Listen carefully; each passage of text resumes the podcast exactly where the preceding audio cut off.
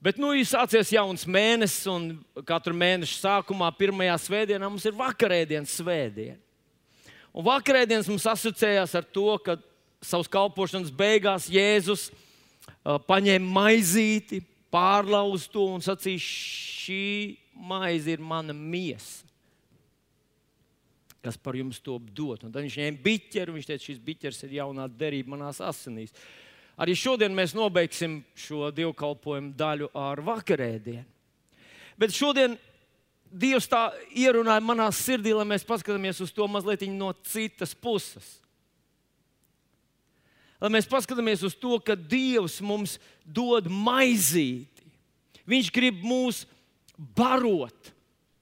Un kad viņš saka, šī maize, ko es jums dodu, ir mana miesa.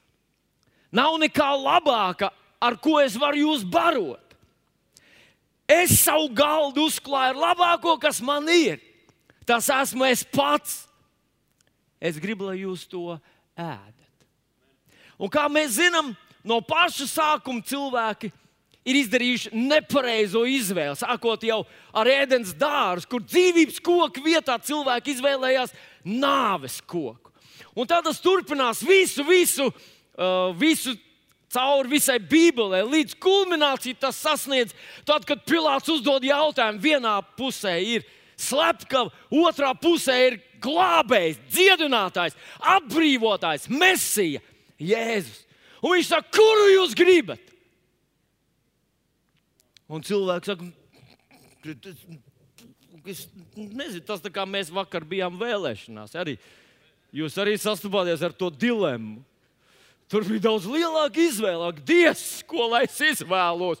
Barabu vai Jēzu?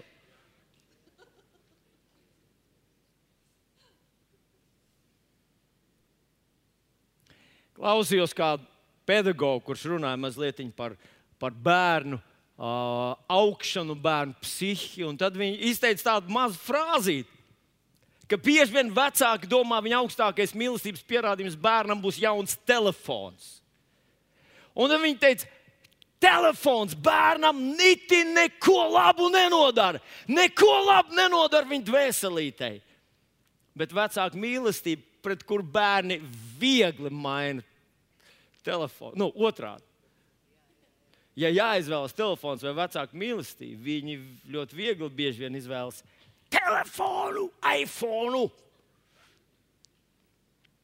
Tā vecāka mīlestība dod tik daudz bērnu dvēselē, padara tos stiprus, harmoniskus, izturīgus, spējīgus. Tas, ko Dievs mums dod, ir izcils, un šodien es par to gribētu mazliet parunāt. Ļoti būtu priecīgs, ja tu mēģinātu izsekot man līdzi, jo šodien es runāšu ļoti īsi. Ir tikai trīs raksturvietiņas, pamata raksturvietiņas, kurām mēs šodien pieskarsimies. Tā Pirmā ir no Lūkas evanģelijas 7. nodaļas, no 19. līdz 28. pantam. Tā būs rakstvietiņa, kuru es izlasīšu. Pagara, lūdzu, neiemiedz. Vai Vilnius nevar? Es, es jau tagad jau. Kuram jau tagad nāk miegs? Paceliet rokas. Paldies. Ir daži, kuri jau cīnās ar miegu. Mums varbūt jāiekārto dažas stāvu ložas, kur cilvēki stāv un kurš aizmieg, mēs uzreiz redzam, blūkt, blūkt. Jā, aha, daži upuri.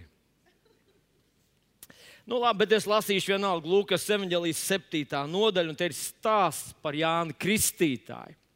Mēs neviens neesam redzējuši Jānu Kristītāju dzīvē. Visi mūsu priekšstati ir varbūt no kāda mākslinieka, uh, vai kādu režisoru, kādu viņš stādījās priekšā. Bet nu, mēs saprotam, tas nebija vīrs, kurš gāja pie friziera, nebalināja šķipsnes, necirpa pūsas. Un, tas bija tāds vīrs, kurš dzīvo ļoti vienkāršu, ļoti askētisku dzīvesveidu bet viņš bija īpaši dieva izredzēts, um, lai atnāktu pirms mesijas. Un tādēļ mēs lasām Lūkas evanģelijas 7. nodaļu, lasu no 19. panta. Un Jānis attaicināja divus no saviem mācekļiem, to sūtīja pie Jēzus, lai tie viņu jautātu, vai tu esi tas, kam būs nākt, jeb vai mums būs citu gaidīt. Un šie vīri pie viņa nonākuši, nogājuši sacīja. Jānis Kristītājs mūs sūtīs pie tevis, lai mēs tev jautātu, vai tu esi tas, kam būs nākt, jeb vai mums būs citu gaidīt. Bet tajā brīdī viņš daudzus dziedināja no sērgām, un sāpēm un ļauniem gariem, un daudziem akliem viņš dāvināja gaismu. Un Jēzus atbildēdams tiem sacīja: Ejiet un atsakiet Jānim, ko esat redzējuši un dzirdējuši. Akli redz, tīzli iet, spitālīgi top šķīsti, kurlie dzird, miroņi ceļas augšām, nabagiem sludina prieka vēsti un svētīgs ir, kas pie manis neapgrēcinājis. Kad nu Jāņa vēstneši bija aizgājuši, viņš sāka uz ļaudīm runāt par Jānu. Ko jūs gājāt tuksnesī skatīties? Vai niedri, ko vējš šauba? Jebko gājāt redzēt, vai cilvēku apģērbtu mīkstās drēbēs? Lūk, tie, kas dārgās drānās un pilnībā dzīvo, ir ķēniņu namos. Jebko gājāt redzēt, vai pravieti? Tiešām es jums saku, vairāk nekā pravieti. Šis ir tas, par ko rakstīts, redzi, es sūtu savu eņģeli tavā priekšā, lai tas sataisa ceļu tavā priekšā. Jo es jums saku, no visiem, kas dzimuši no sievām, neviens pravietis nav lielāks par Jānu Kristītāju.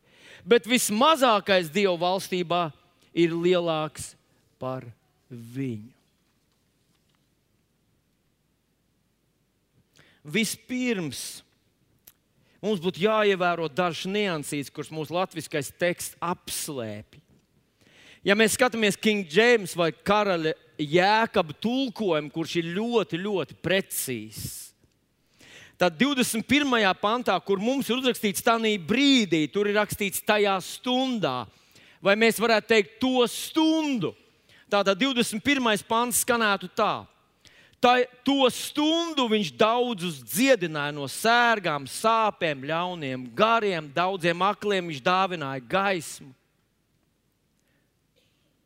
Tātad Jānis Kristītājs mācekļi atnāk pie Jēzus un saka, Jānis Kristītājs mūs sūtīja pie tevis. Un viņš jautā, vai tu esi tas? Viņi uzdod viņam jautājumu, un tad stundu Jēzus dziedina, viņš izdzen ļaunus garus, viņš atbrīvo cilvēkus, un pēc stundas viņš pēkšņi pagriežās pret tiem mācekļiem un saka viņiem: aiziet un pasakiet Jānim, ko jūs redzat. Akli redz, tīzli uh, iet, spitālīgi top šķīs, kurli dzird, miroņi ceļas augšām, nabagiem sludina prieku vēst un svētīgi ir, kas pie manis neapgrēcinājis. Tas beidzamais teksts, kas pie manis neapgrēcinājis, mēs varētu teikt, ka Jēzus saka tā viņam. Svētīgs ir tas, kas manī neviļas, kas nesarūktinas, kas neapvainojas. Neviļas, nesarūktinas un neapvainojas. Tas ir svētīgs. Tagad, ja mēs nezinām visu to kontekstu, mums var būt grūti stādīties priekšā visu tās situācijas, to, to emocionālo fonu. Bet tas izskatījās apmēram tā. 30 gadus Jānis Kristītājs dzīvoja tuksnesī. Un Dievs viņu tur uzrunāja, un uzrunāja, un uzrunāja. Viņš studēja rakstus. Viņš centās, viņā bija tāda, tāda no bērnības, jo atcerieties, kā viņš piedzima, kad eņģelis aizgāja pie viņa tēva un izstāstīja viņam, jums būs dēls. Un viņš saka, arī nespēja noticēt, un viņš palika mēms, un viņš to atstāstīja visam savam dēlam, Jānim. Un Dievs viņu uzrunāja un sūtīja, tev jāiet kā eņģelim, tev jāsagatavo cilvēku. 30 gadus viņš gatavojās, un tad 6 mēnešus viņš sāka sludināt. To 6 mēnešu laikā ja Izrēlā notika kā revolūcija. Mēs lasām, ka cilvēki veseliem novadiem, veselām pilsētām devās pie Jāņa un viņi tur kristījās, nožēloja savus grēkus. Tas bija tā kā vecos laikos, tas bija tā kā pravieša Elijas laikā, kad viņš uguns nokrita no debesīm, visa tauta krita uz savu vaigu un atgriezās, met ārā savus elkus, atgriezās atkal pie sava dieva, sāk viņam no visas sirds kalpot. Tā bija iesākusies pilnīgi tāda masveida kustība. Visi bija izbijušies. un visi bija sajūsmā. Es domāju, valdošie bija izbijušies. Un Jānis ieraudzīja, ka tas tiešām ir Dievs, kas viņu ir sūtījis. Pēc sešiem mēnešiem šīs dinamiskās kalpošanas vienā reizē viņš satiek Herodu, un viņš tajā savā svaidījumā uzrunā un konfrontē ķēniņu Herodu. Herods viņu iemet cietumā. Un cietumā Jānis ir. Vēsturnieks saka, no gada līdz diviem gadiem. Iespējams, ka pēc sešu mēnešu dinamiskas kalpošanas viņš divus gadus sēž cietumā. Un tad vēsts atnāk viņa mācekļi un saka, ka cilvēks sāk tevi aizmirst. Visi dodas tagad pie Jēzus. Viņš ir tavā vietā. Viņš ir tas, par ko tu toreiz sacīji. Bet Jānis ir cietumā jau divi gadi. Tas nebija pansionāts, tas pat nebija tāds cietums, par kuru mēs domājam. Un tad mēs redzam, šeit, ka viņš sūta savus mācekļus pie tā mesijas, par kuru viņš teica, šis ir tas dieva jērs. Un viņš ir sācis šaubīties. Un kas ir interesanti, ziniet, no mana aspekta raugoties, man tā kā paskatieties, ko Jēzus, Jēzus runā par to, kas Jānis ir. Bet paskatieties, ko viņš dara. Tur ir īpašs akcents tu, uz to, ka mācekļi aizgāja prom. Tie Jāņa sūtņi jau aizgāja prom. Un tikai tad viņš sāk teikt, ka šis ir īpašs vīrs. Ka viņš ir Dievs sūtīts. Viņš ir sūtīts sagatavot ceļu mesijam. Un tad viņš saka, ka viņš ir lielāks par visu vecās derības praviešu. Un tad viņš saka, no visiem, kas no sievām dzimuši, neviens nav lielāks par viņu. Tas nozīmē mūzus, kurus mēs varam nosaukt visas vecās derības gigantus. Mēs esam visi tos, kas runājas ar Dievu, dzirdēja Dievu, kur dzīvē uguns krit no debesīm, Elī, gal beigās Abrahāms. Un Jēzus saka, neviens nav lielāks par Jānu Kristītāju. Un šis garīgais gigants, nu, ja mēs tā varam viņu nosaukt, sāk šaubīties. Viņš ir divu gadu cietumā. Viņš droši vien skatās uz savu veselību, kas sāk brukt. Viņš skatās uz sevi, ka viņš nespēja, ka viņu aizmirst, ka, vi, ka tas, viņ, viņā dega tas aicinājums, ko viņš vēl būtu varējis izdarīt, kā viņš vēl būtu varējis vest tautas, kā viņš vēl būtu gribējis kalpot. Viņa sirds asiņo. Un tad viņš uzdod jautājumu, vai visa tā mana dzīve, varbūt tā ir aplama. Varbūt tas, ko es dzirdēju, tā ir mans fan, mana fantāzija. Varbūt vienkārši tajā tūkstnesī es biju nojūdzies, pārkarsis. Varbūt tas no vitamīnu trūkuma, varbūt tie siseņu medus nebija pietiekams man, un es esmu vispār prātā sajūcis. Un man tas šķiet, cik cilvēcīgi būtu, ka Jēzus būtu pagriezies pret tiem mācekļiem, būtu pateicis, aiziet, pasakiet Jānim, nu, ka viņš ir svarīgs, cik viņš nozīmīgu darbu ir izdarījis. Ka, ka Dievs viņu lietoja, ka tas viss bija pareizi, ka Dieva svētība un apsardzība ir pār viņu. Un es neredzu neko tādu. Tā īstenībā viņš runā par Jānu labas lietas, bet Jānis to neuzzina, jo viņa sūtņi, viņa mācekļi ir prom. Ah, kā man kādreiz ir gribējies. Un zinat, ko es esmu saņēmis? Kādreiz kāds tev paskatās uz tevi lielā pūlī un saka, Dievs tevi mīl, ir dzirdējis tavas lūgšanas. Tu esi nozīmīgs un svarīgs Dievam. Un tas ir tā kā, ah, ah tas tā kā ceļmalapa uz, uz pušumu. Jūs esat likuši ceļmalapu. Ja tā pirmajā mirklī pilnīgi tāds sajūta, ka atvēsina, bet vēlāk, vēlāk pazūd tas efekts. Un es domāju, kāpēc Jēzus? Kāpēc viņš kaut kā tā jocīgi atbild? Skatieties, ko es te daru. Tas izskatījās gandrīz tā kā tāda lielīšanās. Paskatieties, ko es te daru. Ko tas Jānis te ja? Pasakiet viņam, ka nu, es esmu, nu, mūs nevar salīdzināt, es dziedināt, var acis, es te kurliet dzirdu un tā tālāk. Un tas svarīgi ir, ka viņš viņam viņš netur ļaunu prātu uz mani. Vai Jēzus zināja, ka Jānis mirs? Tur nav pateikts. Un tad, es gribētu iedomāties vai tu vari stādīties priekšā sevi? Tu esi tas. Tu degi. Tev sadzirdēja no Dieva. Un tad tu sāki kaut ko darīt. Un tu paklausīji Dievam. Vienalga, vai tas ir finansēs, vai kalpošanā, vai mīlestībā. Tu dāvinā mīlestību. Un tu tiešām gribēji būt īsts Dieva bērns. Un tad tu uz gadu nonāc tādā neapskaužamā situācijā. Tu vienkārši liekas, debesis ir, ir, ir, kur visi tie apsolījumi, kas tev lika vibrēt un trīcēt, un tu sajūti, un tu, jā, tas tev uzrunā. Panti lec ārā no Bībeles tev pretī, un tu teici, es iešu, es darīšu, lai vai ko tas maksātu. Un tad neviens ne, nepieskarās tev. Neviens pat ceļā lapu tev neuzliek.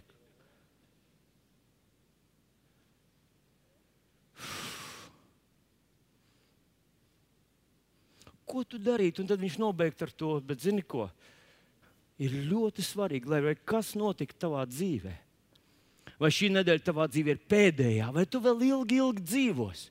Ir svarīgi, ka tu nevilies, ka tu nesarūktinies un ka tu neapvainojies. Vai tu spētu, vai tu varētu Un kas būtu jādara tev, lai tu spētu neapvainoties, nesarūktināties un nevilties? Kas būtu jādara? Un Jēzus dod viņam vienīgo, pareizo, labāko, kas Jēzum ir. Viņš dod Jānim Kristītājam. Viņš dod Jānim Kristītājam labāko atbildību kādu jebkurš, jebkas, jebkāds būtu varējis viņam iedot. Tas ir tā kā Jēzus teica, tā mana maizīte. Esmu es pats, tā ir mana miesa. Paskatieties, ko viņš viņam saka. Nu, vispirms Jānis teica, kad viņam jautāja, kas tu tāds esi, viņš teica, es esmu saucēji balss tuksnesī. Un mēs zinām, ka tā ir no Iesai grāmatas 40. nodaļas, 3. pāns, kur King James atkal latviešu bībelī tie mazliet tur tā kā saucēji balss, kas tuksnesī sauc. Bet īstenībā eh, tur ir rakstīts tā. Uh, mūsu, mūsu tekstā ir tā, paklausieties, kaut kur atskanēja sauciens, ierīkot tūkstnesī tam kungam ceļu. Bet īstenībā oriģinālā ir saucēja balss tūkstnesī sauc, ierīkojot kungam ceļu. Un Jānis teica, es esmu tā saucēja balss. Dievs viņu uzrunāja ar šo raksturvietu. Ej, tu, ej, sagatavo ceļu, sagatavo tam kungam pazemīgus, padevīgus cilvēkus. Viņš zināja, iesai grāmatu, un viņš zināja, tas ir tas, kam Dievs man ir aicinājis. Un tagad Jēzus viņam atbild ar iesai grāmatas 35. nodaļas vārdiem kur ir paklausties, kā tur rakstīts. Redzi, 35. iesē 35 no 4. Redzi, te ir jūsu dievs. Atriebība nāk un dieva atmaksa. Viņš pats nāk jūs, viņš pats nāk un jūs izglābs.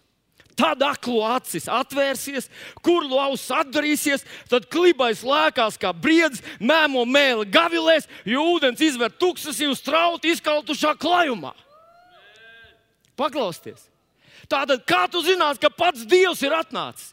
Kā tu zinās, ka Viņš pats ir atnācis un Viņš jūs izglābs? Kā tu zinās? Tad, kad aklu acis atvērsies, kur lauks atdarīsies, klibais lēkās kā briedis, mēmo mēli gavilēs. Tad ūdens atvērsies tūkstnesī.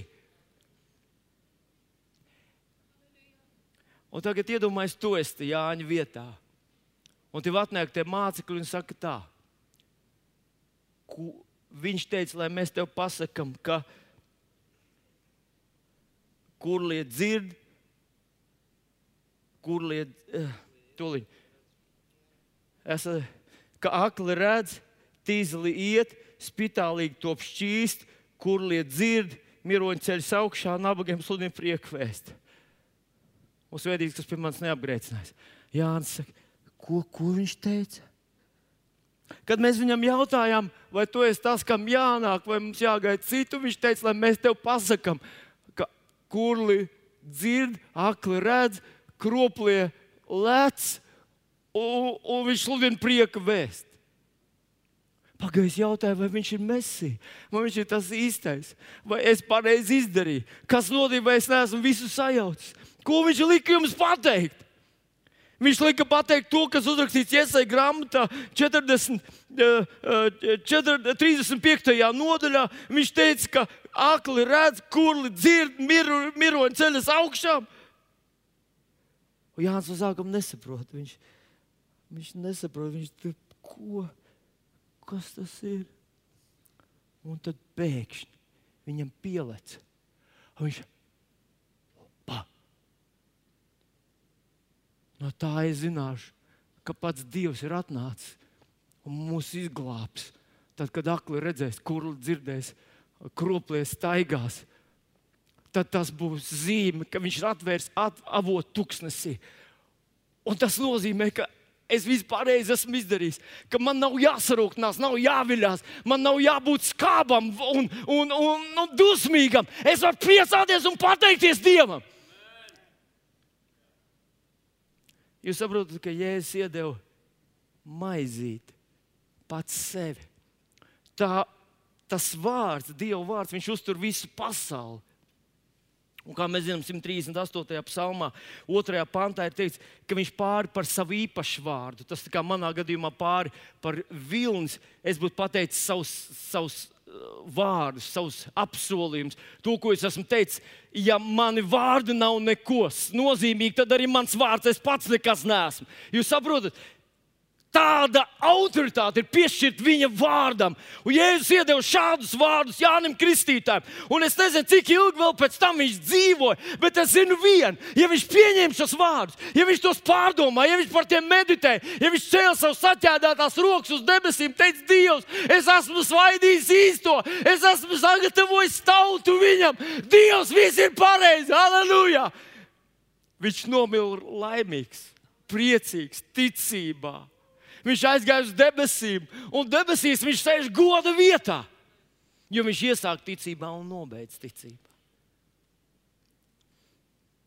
Ar to es gribu teikt, dārgais draugs, ka dārgākais, kas Dievam šodien ir priekš tevis un manis, ir nav ceļmalapa. Nav kā cilvēks, kas tev pieskarsies un teiks, ka Dievs tevi ļoti mīl, sajūties, ka tu esi svarīgs Dievam. Bet tas, ka tu atver Bībelīti vaļā un lasi grāmatā, kas tur rakstīts, tas ir Dieva vārds. Dievam nekā labāka nav.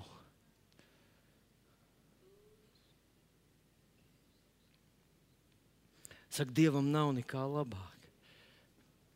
Viņš saka, tā maizīt, ko es tev dodu,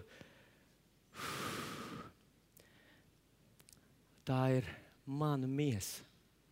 Nav nekā labāka. Un ar to es gribu teikt, ka ir citas miesas arī, ir citas maizes. Bet mums ir svarīgi, ka mēs izvēlamies pareizo, vai ne? Lūdzu, tam, kurš sēž tev blakus, ka mēs gribam izvēlēties pareizo.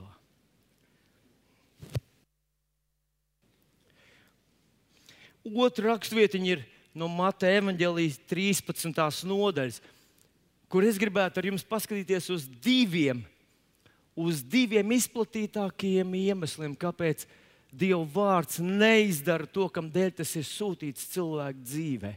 Un tas, protams, saistās ar cilvēka sirdi vai viņa iekšējo pasauli un ar viņa attieksmi. Divi izplatītākie iemesli. Māte evanģēlijā 13. nodaļā, ja es stāstu līdzību par sējēju, un tad viņš saka tā, Līdzība par sēju ir tāda, mate, tāda no 19. panta lasu. Tā pirmā līdzība par vārdu ir tāda, lai sēkla top sēta, un cilvēks dzird un nesaprot. Tad nāk ļaunais un paņem to, kas viņa sirdī sēdz. Šis ir tas, kas sēdz ceļmalā. Cilvēks dzird un nesaprot. Tātad Dievs dod to pašu dārgāko, kas viņam ir, pašu svarīgāko, kas viņam ir. Bet cilvēks ar to saskarās un nesaprot, vai ir tāda lieta iespējama. Sakiet, lūdzu. Vai mēs neesam saskārušies ar to, ka mēs kādu ierunājam, iestumjam, nu, varbūt iestumjam viņu draudzē, varbūt aizstumjam viņu līdz mācītājiem. Un sakam, ej, ej, ej, tev tur, tev viss būs labi, ej, ej, ej. Viņš tev par, par tevi visu izdarīs. Ziniet, Kādu laiku atpakaļ man bija tāda ļoti interesanta pieredze ar vienu cilvēku, kurš arī tā tika nu, vienkārši, vienkārši nu, atstumts līdz, līdz manīm. Cilvēkam bija milzīgas problēmas, tiešām milzīgas problēmas. Un likās, ka tam cilvēkam, nu, nu viņš ir savs dzīves, varbūt no, no, nokāps no Everest, nokāps Latvijas ķemera purvā kaut kur. Viņš tur atrodas, un viņam tiešām vajag palīdzību. Un kad, me, kad viņš atnāca pie manis, es lūdzu par viņu, un es viņam liku apliecināt, es viņam stāstu, un veselu stundu es ar viņu ņemos un darbojos. Un tas cilvēks žāvājās visu laiku, kamēr es tur apkārt lūdzu, viņš lasa īsiņu savā telefonā. Un es domāju, es viņam izdrukāju visu, ko vajag darīt, un vajag apliecināt, un tā tālāk. Mēs nedēļu pēc nedēļas tiekamies. Viņš vienmēr nākušais atnāk, saka, es saku, nu kā vai tu darīji kaut ko no tā, ko es tev sacīju? Un viņš teica, nē, es godīgi pateikšu, neko nedarīju. Un viņš vienkārši sēž tur un gaida, lai es kaut ko daru. Un, un viņš dara savus, savus, savus darīšanas, un es tur apkārt. Un tad kulminācija visam bija, bija kad es viņam teica, zini, tev vajag kādu slavas dziesmu iemācīties. Un viņš uz maniem tā skatās, es saku, es tev iemācīšu vienu slavas dziesmu, ar kuru es iesāku, kas ir tāda ļoti vienkārša, ticības un apliecības dziesma. Un es viņam mācu, piepildīts, cīņā uzvara.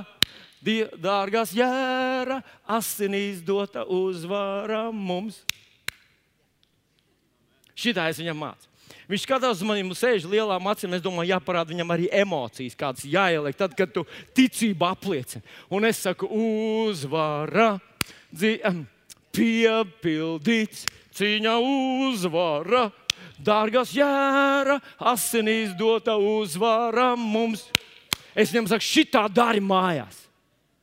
Viņš skatījās uz maniem tādām acīm, nu, it kā es būtu šamans no, no, no, no Āfrikas džungļiem iznācis. Es viņam iedevu raksturvietas, es viņam iedevu šito, es saku, šitā dziesmiņa.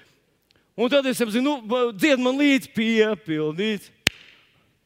Viņš kaut ko tādu. Bet viņam labāk patīk, labi paklausies. Es te sēdēšu, vienkārši darīšu savas lietas, tu izdari to, ko, nu, lai man labāk paliek. Un viņam tā doma bija.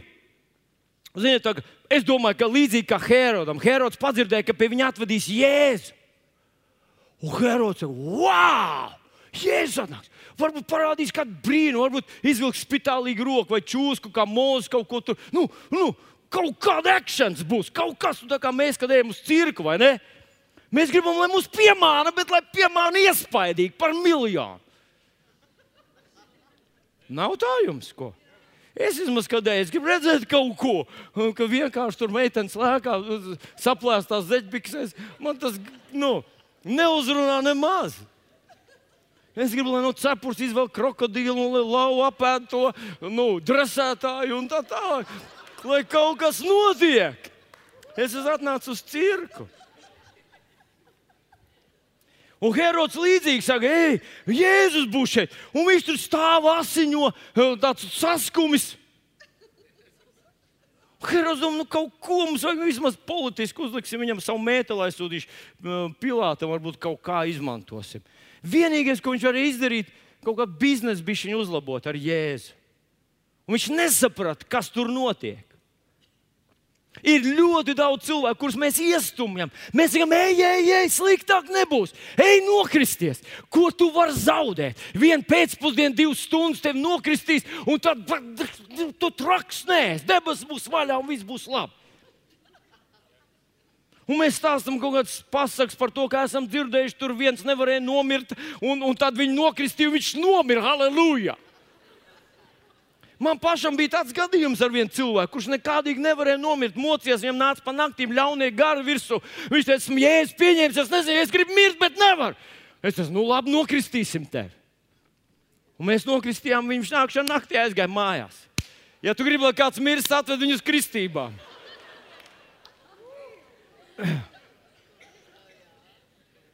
Nu, es par to, ka saprotiet, mums man patīk tos labāk tā attieksme. Nevis saka šo lūkšanu, saka man līdzi, saka man līdzi, neklausies neko, saka man līdzi.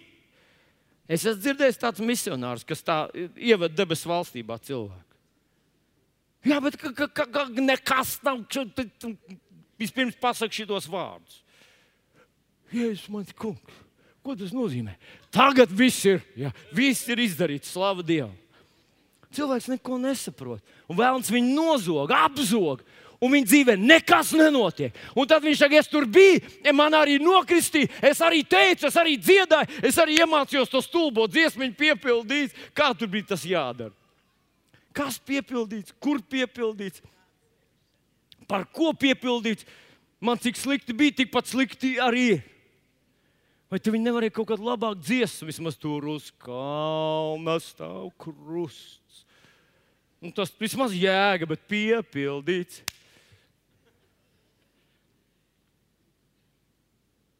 Mīļie draugi, tur ir kaut kas jāsaprot. Ir kaut kam cilvēkā jāpamostās, kaut kādai ticībai, kaut kādam tādam, kas no tā ķēniņa kandaks finanšu ministri. Es gribu to. Kā man to izdarīt? Es palīdziet man. Es nesaprotu. Paskaidrojiet, lūdzu, man. Tas ir pirmais iemesls. Pirmais iemesls, kāpēc cilvēki nav šeit, nav tas, ka mēs esam slikti ka mēs neesam neatbilstoši. Nav tas, ka mums mācītājs neprot sludināt, vai slavētāji pārāk ātras dziesmas dzied, vai tāpēc, ka mēs vasarā noturam dievkalpojumus. Pirmais iemesls, kāpēc cilvēki netiek glābti, viņi nesajēdz, nesaprot. Un kādreiz arī mēs nemākam viņiem paskaidrot. Bet es gribu īpaši pievērst uzmanību otrajam iemeslam, un te ir tas, ko viņš saka, teica arī Jānis Kristītājam. Manuprāt, ir ļoti svarīgs arī mums. Un tad viņš saka, bet uz akmenāja sēdz ir tie, kas vārdu dzird un tūdaļ ar prieku to uzņem. Bet viņiem nav saknes sevi, viņi ir nepastāvīgi. Kad uziet bēdas vai vajāšanas vārda dēļ, tad viņš tūdaļ apgrēkojas.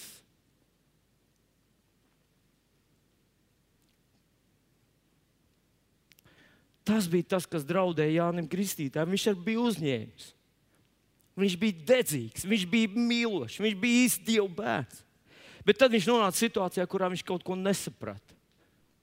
Un viņš varēja, tā kā te rakstīts, ar akmeni sirdī, ar akmeni dvēselē.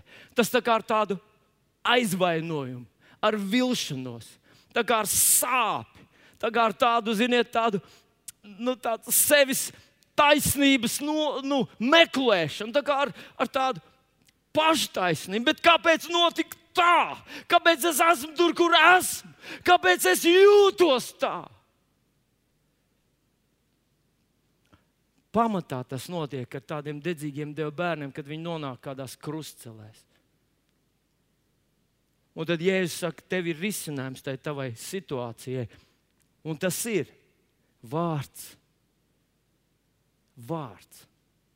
Dieva vārds. Tev Tu domā, ka cilvēku uzmanība tev būtu izārstējusi. Tu domā, ja vien cilvēki būtu laipnāki, ja vien kāds būtu man pieskāries, ja vien kāds būtu pateicis man, paskatījies acīs un pateicis, ka es nozīmēju ļoti daudz, ka es esmu svarīgs, pamanīts, novērtēts. Un tam ir sava vieta, bet tā ir maza ceļma lapiņa uz dziļas, nedziedināmas brūces.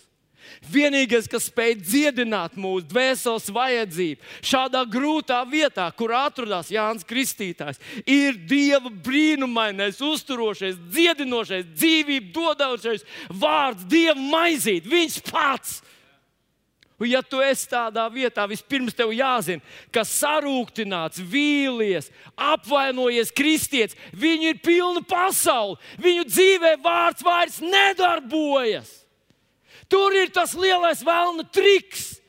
It kā jau tu neesi slikts cilvēks, ka esi bijis viņa sāpināts, ka tev ir iekšā tāds minorīgs akords, ka tu esi vīlies vienā, un otrā un trešā, un par draugu tu vispār šaubies. Un zinat, kas ir interesanti?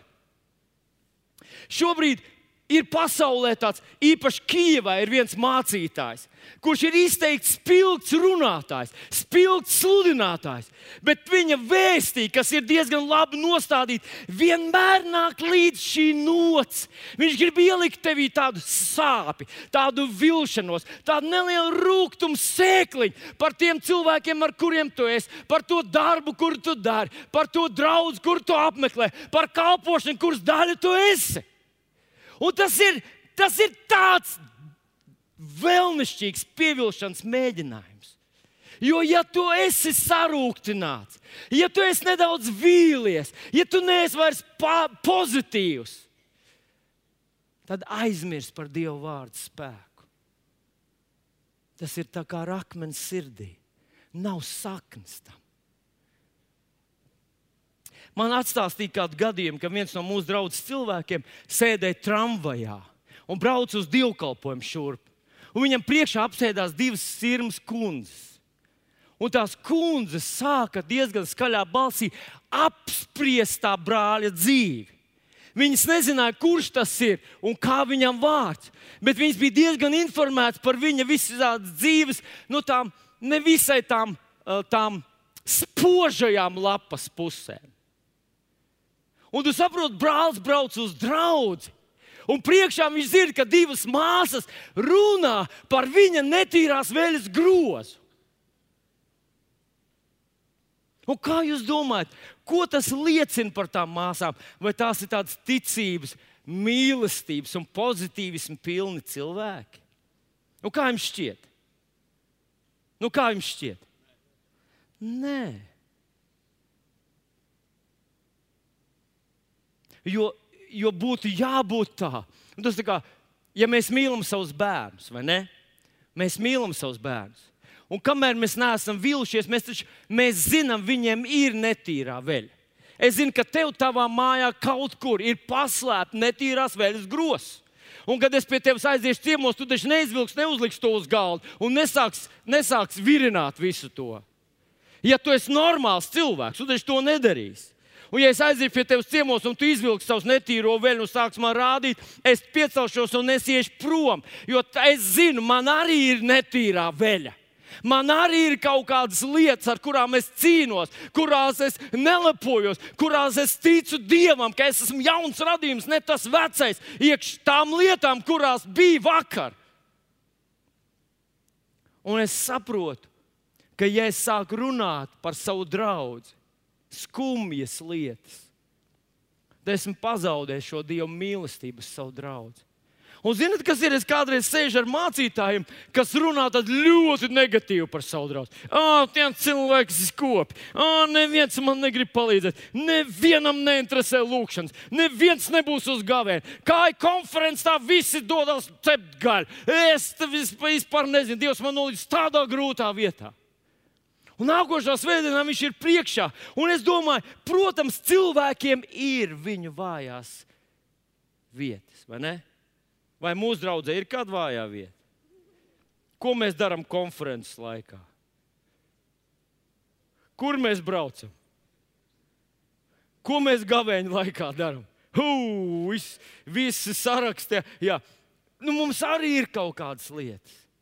Bet jūs saprotat, ja, ja, ja, ja cilvēka mute runā no sirds pilnības, tad, ja es runāju par tādām lietām, tas nozīmē, man vajadzētu apķerties un saprast, ka pagaidi, paga, kas ar maniem notiek. Kas ar maniem notiek? Cilvēkiem ir netīrā veļa, bet viņiem ir arī pilns skats ar tīro veļu. Tur ir grēdām salikts tīras, smaržīgas, jaukas, brīnišķīgas lietas. Un viņi cenšas mazgāt savus netīrās, lai pēc iespējas vairāk būtu tīrās. Vai ne? To taču mēs darām. Un šodien Pirms mēs ēdam vakarēdi un ēdam no tā kunga galda, un Pāvils saka, ka mēs nevaram ēst gan no viena, gan no otra.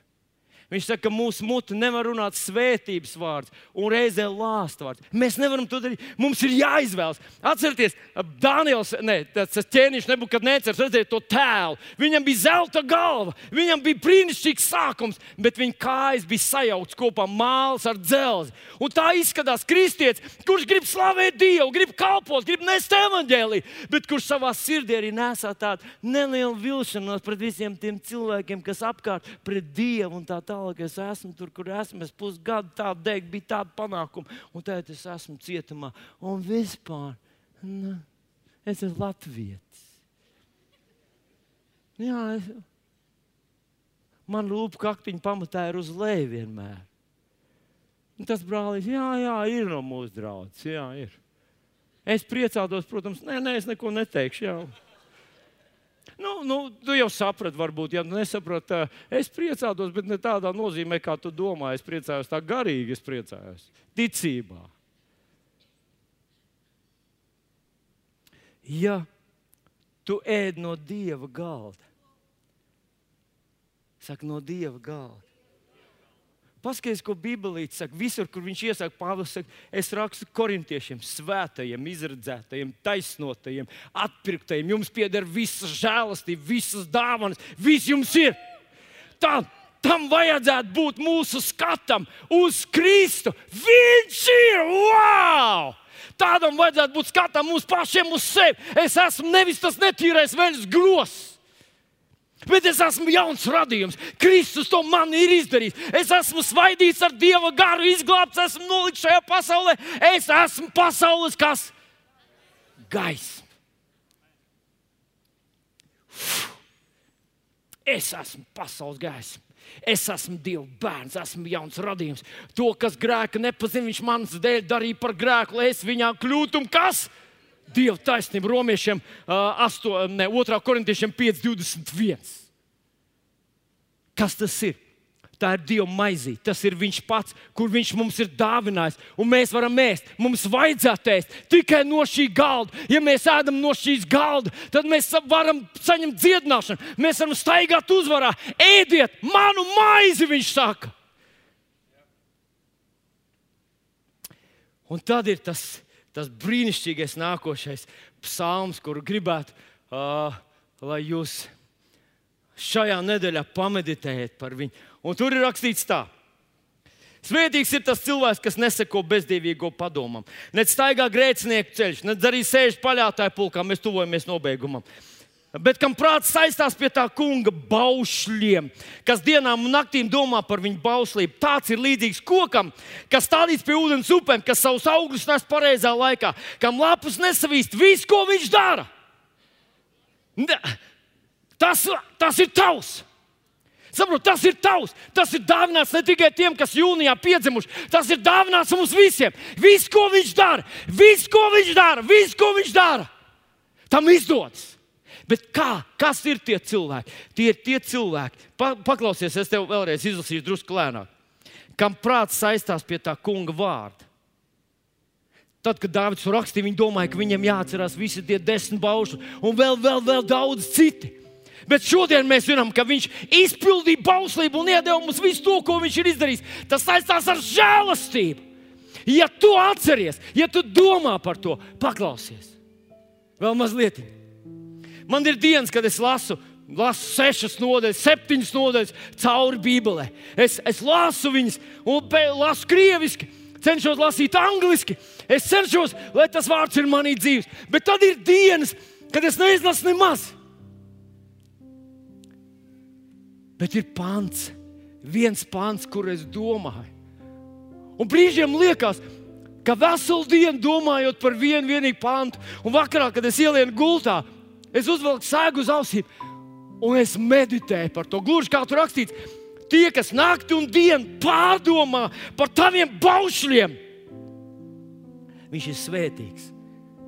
Un tā starpība radās tad, kad ir sausais gads. Tad, kad visiem ir visa kā diezgan, tad visi zaļo. Bet tas, ko tu dari ar Dieva vārdu, vai tu ēd no Dieva galda vai no kāda cita galda, tas parādās tajās grūtajā laikā. Domā par vienu pantu, meditē par to. Pārcis brīžiem paceļ te.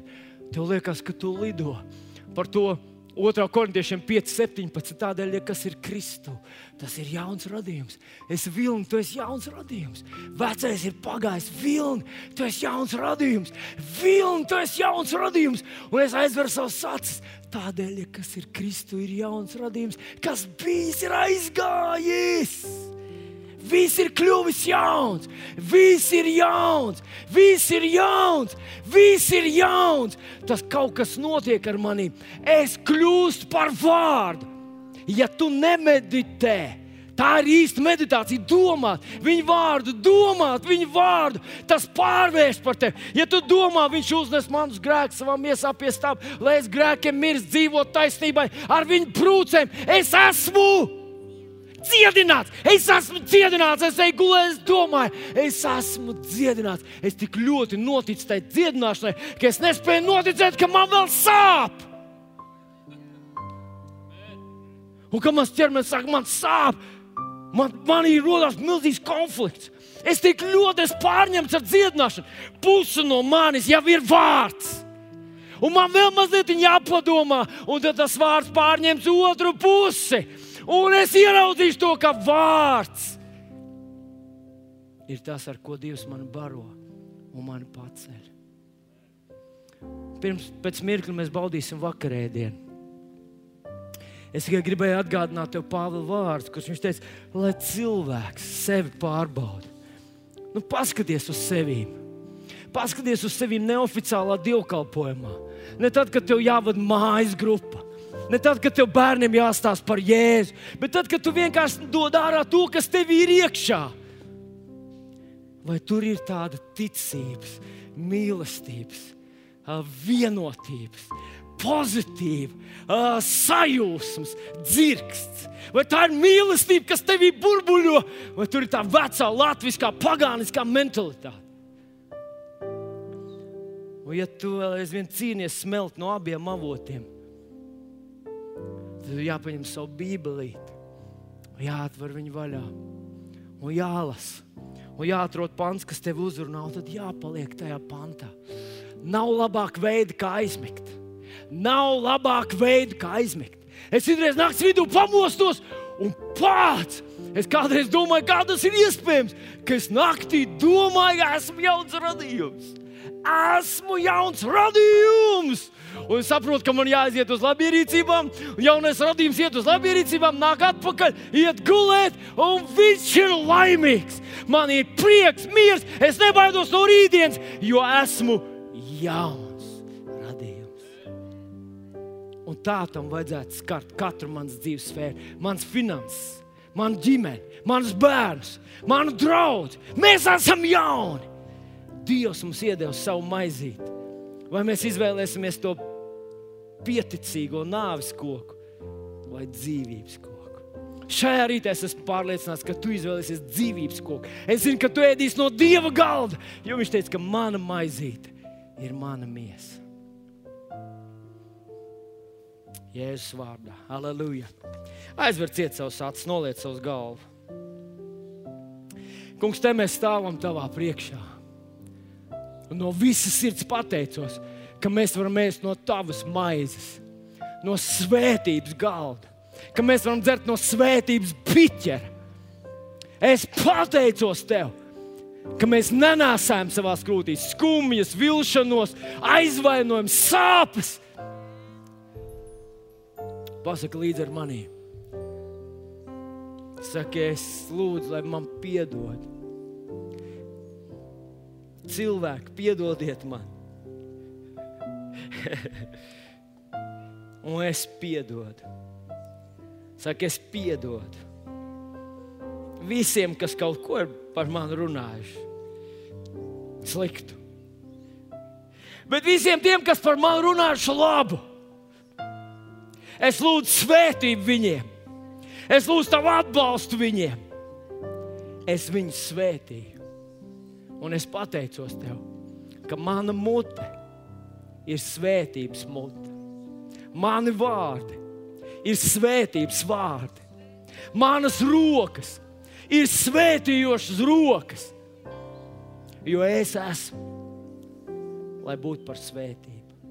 Paldies, Tev, Kungs, Jēzus vārdā. Iecelsimies kājās mazliet mirklī.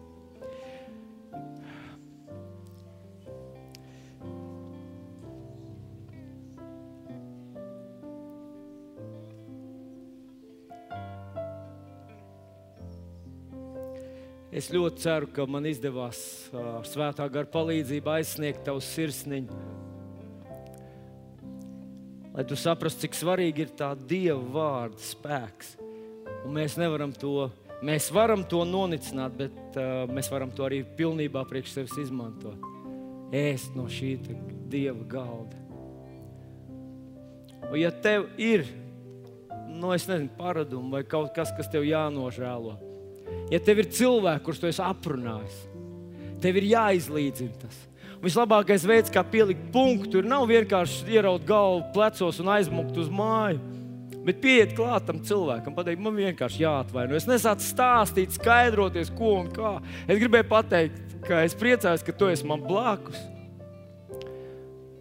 Es svētīju tevi. Un, ja tu tiešām nodarīsi kādam slikti, tad izvēlies 50 eiro un pasaki, tad te ir tāda neliela svētība no manis, viens mīlestības apliecinājums, ka patiešām jūs man kaut ko nozīmējat. Jā. Nokārto lietas, lūdzu, nokārto lietas ar cilvēkiem. Nesagaidi nāves stundu, kad tu sapratīsi, cik tas ir svarīgi. Izdari to tagad. Izdari to tagad, izdari kaut ko labu, sakārto un atceries, ka tu nevari klibot uz abām pusēm. Tu esi aicināts ēst pie Dieva galda, tu esi aicināts būt mīlestības, prieka, gaismas, pozitīvismas, sajūsmas nesējs. Tu esi aicināts runāt par labajām lietām, ne par sliktu.